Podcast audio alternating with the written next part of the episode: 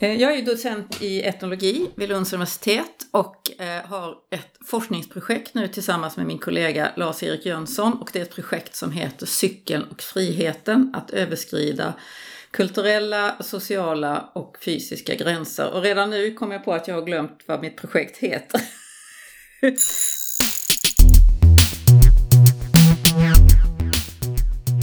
Hej och välkomna till Cykla mot målen, en podcast från Cykelfrämjandet i syfte att belysa FNs globala hållbarhetsmål. I fyra avsnitt träffar vi fyra olika spännande gäster med vilka vi pratar om hur cykeln och cykling kan vara med och bidra till målen. Mitt namn är Lars Strömgren och jag är ordförande för Cykelfrämjandet och i dagens avsnitt kommer vi träffa Charlotte Hagström. Hon är docent vid institutionen för kulturvetenskaper vid Lunds universitet och har i sin forskning särskilt närmat sig cykel och cykling ur ett kulturvetenskapligt perspektiv. Det var när hon skulle studera Cykelfrämjandets kurser för vuxna som hon själv valde att utbilda sig till instruktör och engagera sig för att fler ska få möjligheten till frihet på cykel.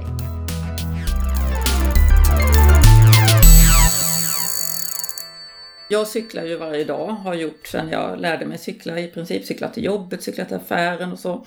Så jag har liksom den här vardagscyklingen som är som väldigt många i Sverige har. Man, man cyklar för att man ska förflytta sig helt enkelt. Men sen är jag också intresserad av cykling, alltså cykelsport. Jag sitter alltid klistrad framför Tour de France. Cyklar lite landsvägscykling själv, inte så mycket nu, men jag cyklar en del mountainbike också. Eh, så att det finns liksom både ett intresse av sportcykling men framförallt så är jag intresserad av kulturella aspekter på cykling. Eftersom jag är kulturvetare och etnolog så är det ju sådana saker som jag tycker är intressant. Alltså vad betyder cykeln för människor? Och vad har den betytt? Och hur kan vi liksom förstå förändringar och utveckling av samhället med hjälp av cykeln? Jag har levt med cykeln som forskningsprojekt nu i drygt tio år, ska jag säga.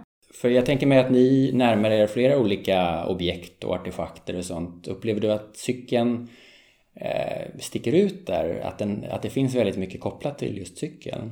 Absolut, det gör det verkligen. Eh, och cykel är så intressant för att man kan ju liksom studera cyklar på så många olika sätt. Och en cykel betyder ju inte samma sak för alla och överallt och i alla tider utan cykeln som objekt, alltså som, eh, som ting, så är den ju, ser ungefär likadan ut som den gjorde när den kom på 1880-talet.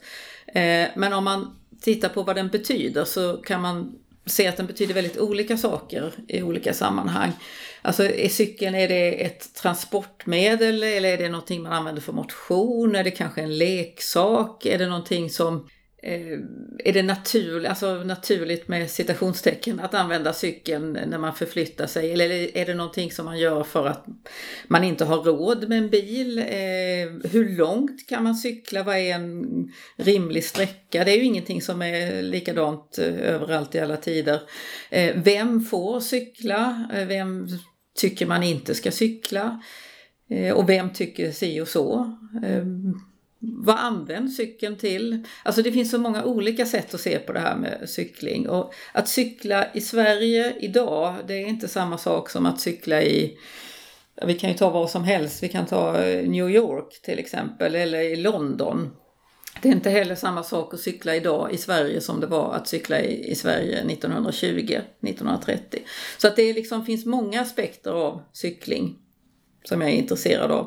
Och jag kan väl säga att jag är, tycker i och för sig att det, det, är, det finns ju jättemånga som tittar på cykling i olika aspekter. Alltså man kan forska om cykling inom så många olika ämnen. Eh, och det är ju bra att det finns folk som gör det med i trafiksynpunkt, i miljösynpunkt, i folkhälso och så. Fast jag har ju inte den aspekten, men det betyder ju inte att jag inte bryr mig om det. Men det är inte liksom min ingång, utan det är mer hur, hur använder människor cykeln? Och eh, det här samtalet som vi, som vi har nu, eller den här podd, det här podcastavsnittet, det, eh, det är ju, dels är det ju för att jag tycker det är väldigt intressant att höra om, om din forskning och eftersom jag har känt dig och, och vetat lite grann men inte så mycket så det ser jag väldigt mycket fram emot. Men så är det ju också så att vi har ett projekt på Cykelfrämjandet finansierat av Sida som går ut på att uppmärksamma FNs globala hållbarhetsmål. Mm. Och det målet som jag tänkte att du kanske ville utveckla kring, det är just det här målet om jämställdhet. Mm. Du känner till de här globala målen eller har du haft med dem att göra på något sätt? Ja, alltså, det är ju ingenting som har, alltså jag har inte använt dem i min forskning på så sätt, men just det här med jämställdhetsmålet, det är ju ett sånt som liksom dyker upp. Eh, det är ju svårt att inte förhålla sig till dem om man säger så. Eh, de syns ju och märks i olika sammanhang. Man kan utgå från de här olika målen och, och se ja, vad, hur kan cykeln komma in i de här målen? Eh, det, det, finns ju alla, det finns ju många mål, men cykeln kan ju gå in i allihop och, och göra olika saker. Och jämställdhet är ju väldigt intressant att titta på i cykelsammanhang, tycker jag. Män och kvinnor och cykling, det, det kan man se på på alla möjliga aspekter. Om man tar cykelsport till exempel så kan man ju se så här, ja vem är det som får eh, de stora prispengarna, vilka har de stora tv-sändningarna? Alltså, alltså det är ju att vara kvinnlig proffscyklist eh, är ju inte samma sak som att vara en manlig proffscyklist. Alltså de riktigt, riktigt bra kvinnliga proffscyklisterna tjänar ju så oerhört lite jämfört med de manliga cyklisterna. Så det är ju en aspekt, alltså manlig och kvinnlig idrott. Mm. Vad är din teori för varför det är så? Är det... Ja men det är alltid så att kvinnor tjänar mindre än män.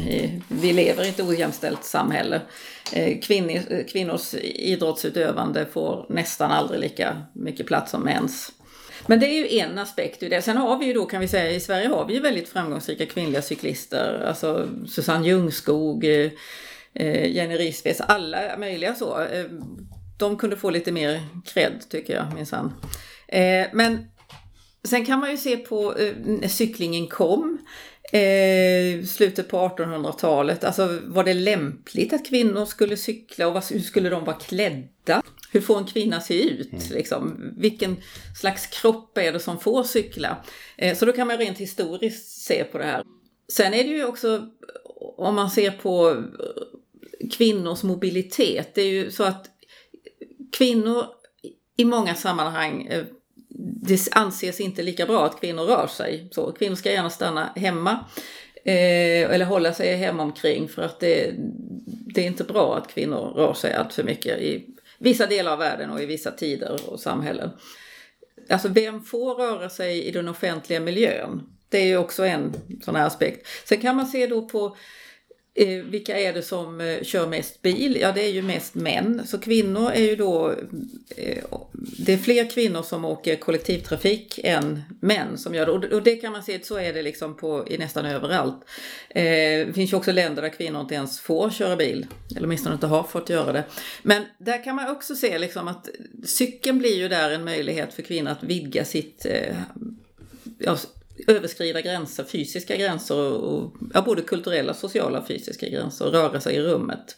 Och när du tittar på det här, är det då utifrån en historisk svensk kontext eller är det internationellt eh, utblickande? Alltså det är ju både och. Eh, vi har ju i det här projektet vi har, så har vi jobbat med lite olika saker. Ehm, min kollega Lars-Erik han har bland annat studerat folk som gör sådana här långa jorden runt cyklingar vid olika tider och det är ju en del kvinnor som gör det då när cykeln kommer i slutet på 1800-talet så är det faktiskt en del kvinnor som ger sig ut också och cyklar. Mm. Jätteintressanta grejer kring det. Eh, jag har ju tittat mer på eh, lite senare, eh, så kan man säga 40-50-tal och framåt och idag. Och sen har jag ju då också gjort en studie av cykelkurser för vuxna de här som inte kan cykla är faktiskt ganska många och hur gör man om man inte kan cykla? Så då blev det så att jag började följa en eh, cykelkurs eh, i Malmö. Tanken var att jag skulle liksom bara göra en sån här deltagande observation. Jag skulle liksom vara med eh, och, och, se hur det gick och så. Men sen så fick jag frågan om jag kunde tänka mig att vara med som instruktör. Och det var ju så himla roligt så jag bara fortsatte med det. Så att den här delstudien är ju färdig men jag fortsätter att vara med som hjälpinstruktör för att det är så kul. Fanns det någon tanke från din sida att, att det var en del av eh, att det på något sätt var enklare att studera det här när man var instruktör eller var det mest för att du ville ställa upp och, och att det var kul? Alltså från början var det ju så att jag fick liksom, jag hade inte ens tänkt på att jag skulle kunna, för jag visste inte så mycket hur det var organiserat. Eh, men sen så frågade fick jag frågan då om jag kunde vara med. Så tänkte jag, ja det är ju nog faktiskt bättre för att då sitter inte jag där bara vid sidan av och, och tittar på. Det, det kan ju vara lite skumt att det sitter någon där, även om jag då presenterar mig och berättar vad jag gör och så. Och då blev det så att jag var med där och så insåg jag ju redan första gången att det var ju oerhört mycket bättre att jag var det. Liksom. Så att det fortsatte så att jag var med och så berättar jag ju då för deltagarna på den första kursen jag var med att eh, jo men jag är också forskare och jag studerar det här och så. Och sen så fortsatte det andra gången och sen, ja, sen bara fortsatte det. Fick du några reaktioner när du berättade att ja, du var forskare? Det fick jag ganska, ja, det var, de flesta tyckte det var jätteintressant. Mm. Att det var liksom, jaha, studerar du det och hur gör du det och så. Eh, och en del av de här eh, personerna som går kurserna, det är mest kvinnor och det är mest eh, kvinnor som är födda i någon annan del av världen. De, är, de kan ha bott länge i Sverige men de flesta kommer inte ursprungligen från Sverige. En del av dem har ju själva eh, universitetsutbildning och det fanns ju de som var forskare också men inte just inom det här. Så, så att vi, mm. vi pratade ganska mycket kring detta. Mm. Var det någonting som förvånade dig i det här? Ja, det var ju vissa saker som återkom. Det ena var det här, alltså jag gjorde intervjuer och jag följde dem på de här kurserna och jag intervjuade också instruktörer ska jag säga. Eh, och då var det vissa saker som kom igen. Jag kunde liksom se att det fanns fyra olika skäl till att man inte kunde cykla och det ena var då att eh, eh det hade hänt någonting när man var barn, man hade liksom varit ut för någon olycka eller någonting så man blev så rädd så att man vågade inte fortsätta. Det var en. Den andra var att eh, man blev sjuk eller man blev skadad eller någonting gjorde att det inte gick. Och, då är det ju så att om man inte har lärt sig när man är kanske 7-8 år så det är liksom svårare att sätta igång och lära sig cykla när man är 12-13 och då blev det liksom aldrig av. Är det för att det är motoriskt svårare eller för att man känner att då borde man ha lärt sig det redan? Ja, alltså det är ju lite skämmigt att vara 12-13 och inte kunna cykla. Alltså man känner lite pinsamt sådär. Så, så, och det var nog då att då, då blev det liksom aldrig av. Eh, sen är det ju motoriskt svårare ju äldre man blir men första skälet var nog att nej, det blev inte vad alla andra kunde och då lärde inte jag mig sen. Eh, och sen var det det här, trafiken är ju också ett stort, kommer man liksom från, det finns ju massvis med platser i världen där det är direkt livsfarligt att cykla. Liksom. Man, man lär sig inte cykla för det är ingen som lär sig. Man åker buss och det, det är liksom förenat med livsfara att cykla, det finns inga cykelbanor eller någonting.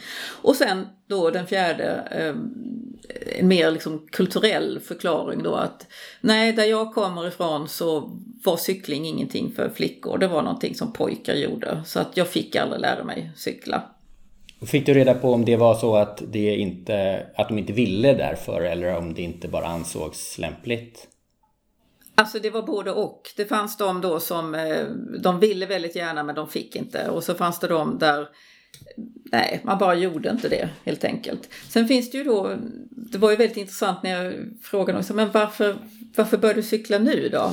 vad är det som får dig när du är liksom 35 eller 42 eller 58 år gammal att lära dig cykla?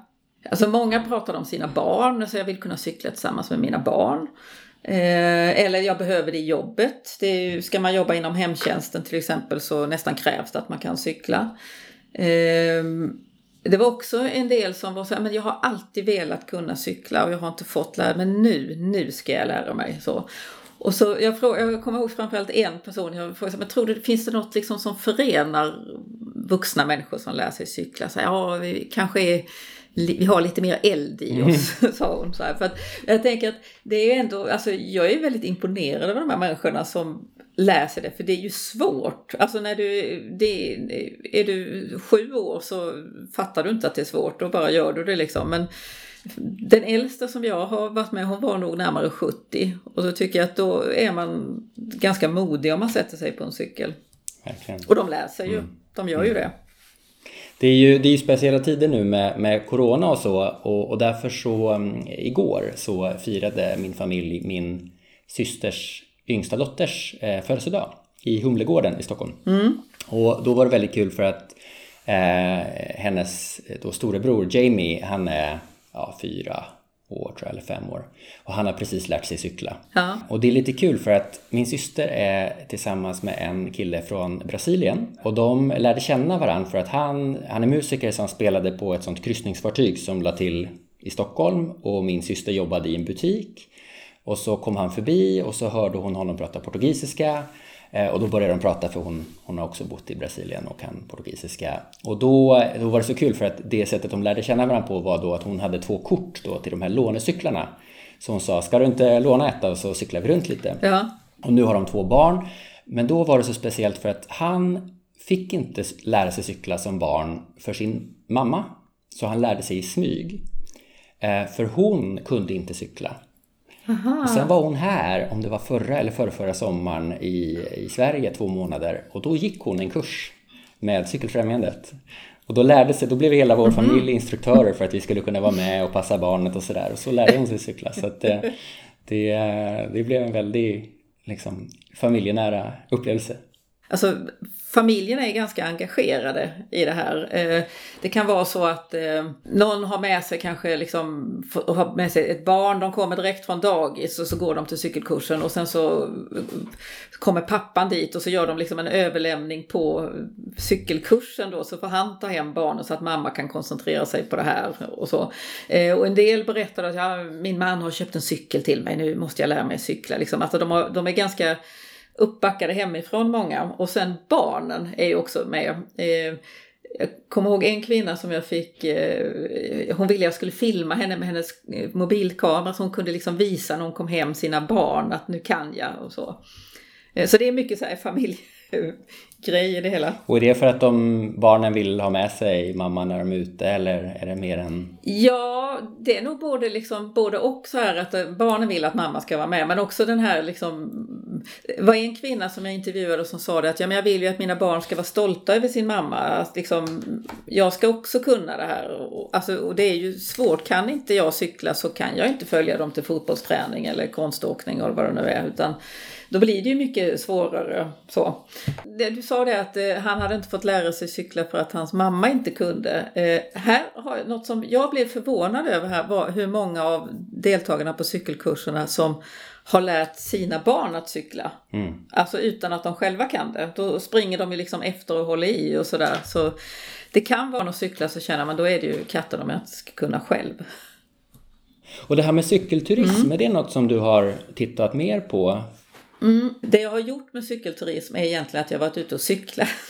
Ja, förra sommaren så eh, cyklade jag en del av de här cykellederna i Skåne. Det finns ju väldigt bra cykelleder runt överallt. Så liksom cyklade jag själv, både för att jag tycker att det är kul att cykla men också som en del, liksom en slags förberedelse för om jag sen ska göra något kring cykelturism. Så att jag, jag brukar tycka så här att när jag ska intervjua folk om någonting eh, så är det bra att jag själv har provat på det för då kan jag liksom dra in det i själva den här studien. Eh, och där var ju, det var ju påtagligt att det är ganska mycket folk som är ute och rör sig på de här cykelvägarna. Och det var redan förra sommaren, alltså innan corona, så var det familjer med barn och, och, så. Så att det kanske är så att vi ändå, för jag menar cyklingen hänger ju samman med miljötänk och så. Så att om det nu finns en, ett ökande miljötänk eh, och folk hade redan innan corona börjat cykla så kanske det blir ännu mer. Jag kanske ska göra något kring det. Får, nu får jag lite idéer. Ja. En sak som jag har funderat på, både kopplat till cykelturism och, och, cykling generellt utifrån min roll då. Jag är ju någon slags, ska säga, lobbyist kan man väl säga. Nu låter det ju hemskt men, men eftersom cykling är så, så eh, snällt så, så är det rätt kul att säga att man är cykellobbyist. Ehm, det är att ibland kan det underlätta om man ska övertyga någon att man inte är så förutsägbar eller kommer med de vanliga argumenten.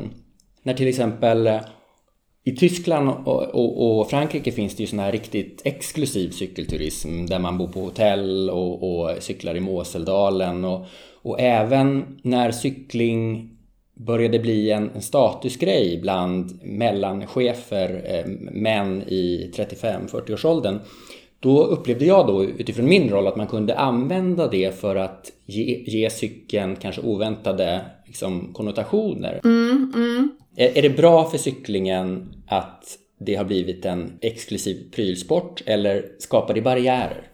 Nej, jag tror alltså cykling, det, det, är ju en sån här grej som ofta, som jag kan störa mig så oerhört på när det liksom i debatter och diskussioner så är det liksom talas om cyklister.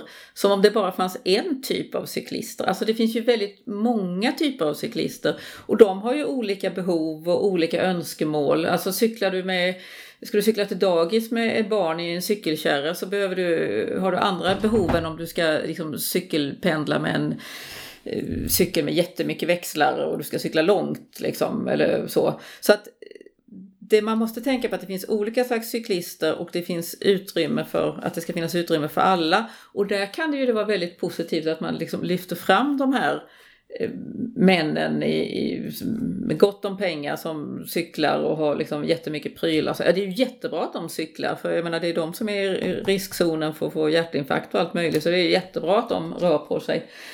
Och, och vill de köpa prylar så får de ju göra det. Så jag tycker att det är, nej jag tror inte alls att det är ett problem att man lyfter, utan tvärtom. De är en grupp, de här eh, småbarnsföräldrarna är en annan grupp. Alltså det finns olika slags cyklister. Och det överhuvudtaget tänker jag att det, det är bra att man trycker på olika för att ofta i den här eh, liksom cykel diskursen i samhället säger att ja, det är hälsosamt, det är ekonomiskt, det är bra för miljön. Och visst, allt stämmer ju. Men när jag då har gjort intervjuer, jag har läst arkivmaterial, jag har jobbat med en massa olika, olika källor. Så det som lyfts fram där, det är ju inte så, alla vet detta, men när man säger som varför cyklar du? Så, ja, men för att det är så kul. Eller för att det, det är en frihetskänsla. Man kommer liksom nära naturen, man hör fåglarna och så. Och så tänker jag att det är också en väldigt viktig aspekt av det. Så det är inte så att man cyklar för att man inte har råd med något annat eller för att man ska ta sig snabbast mellan två punkter. Man kan cykla för att det bara är så himla kul. Och det tycker jag är jätteviktigt att man lyfter fram att det finns olika slags skäl. Det här målet då som, som eh, FN-målet om just jämställdhet då står det att, att man ska uppnå jämställdhet eh, och alla kvinnors och flickors egen makt och det ska vara jämställdhet mellan kvinnor och män eh, för det är en förutsättning för en hållbar och fredlig utveckling. Mm. Men borde, man, borde jämställdhetsbegreppet enligt dig, borde det finnas flera liksom, det kanske, det kanske är för trubbigt att säga män och kvinnor, man kanske måste hitta flera Alltså jag, jag tycker ju att alla ska ha rätt att cykla oavsett vem de är. Liksom.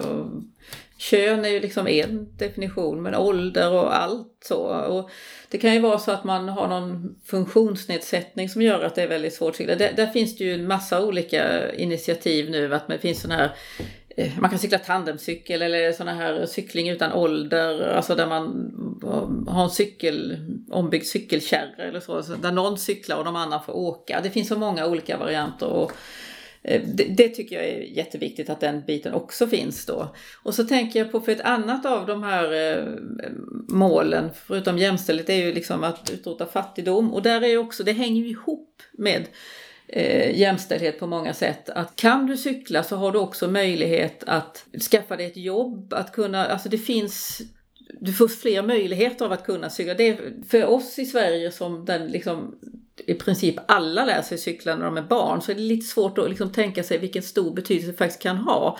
Men att om du bor i någon del av världen där du liksom jag tänker på sjukvård, barnmorskor, alla sådana här bitar. Att ha cykeln som ett sätt att det är det enda sättet att transportera dig. Kan du inte cykla då så, ja, så begränsas du ju oerhört och det kan ju få väldiga konsekvenser. Så att det hänger ju samman med att kunna cykla kan ju också vara ett sätt att liksom både främja hälsa men också att eh, motarbeta fattigdom. Ja, de, de, kan fixa jobb och de kan komma ur fattigdom på det sättet. Verkligen, verkligen. Jag tänkte att vi skulle börja runda av. Mm. Men eh, jag skulle vilja bara fråga dig eh, om du har någon personlig, något personligt minne eller så kopplat till, till cykel och, och kanske också till, kanske inte jämställdhet så, men, men liksom egenmakt så, som, som du... Ja, men ja, en sak som jag kan säga som är ju eh, jag, jag tänker att jag skaffade min mountainbike när jag var eh, typ så 47 eller något sånt och det, var ju, det är ju ganska gammalt att börja cykla på det. Eh, och, och, så tänkte jag så här att det, ibland när jag är ute och cyklar, nu cyklar jag väldigt liksom snälla rundor så, det är verkligen inga strapatser så, men lagom för eh, liksom en tant så, och cykla. och då tänker jag ibland när jag, när jag ser folk när jag kommer cykla, det, det, det är fler, många mer män som cyklar, de är betydligt yngre än jag allihop, men så tänker jag kanske att kanske jag kan inspirera någon. Ser de att jag kan cykla här så kanske någon kan tycka att ja, ja, kan hon så kan väl jag.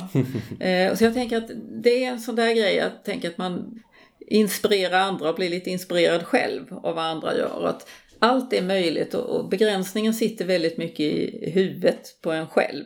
Alltså, och, jag, och det är faktiskt något som jag har tänkt mycket på sedan jag var med i cykelkursen. Att, alltså, när de ger sig ut och lär sig cykla och är liksom närmare 70 en del, ja men då, då är allt möjligt. Det tycker jag var fina slutord här. Allt är möjligt med cykeln som verktyg. Mm. Stort tack Charlotte för att du ville vara med i det här samtalet om FNs globala mål och hur cykeln kan bidra till att uppfylla dem. Tack! Mm, tack!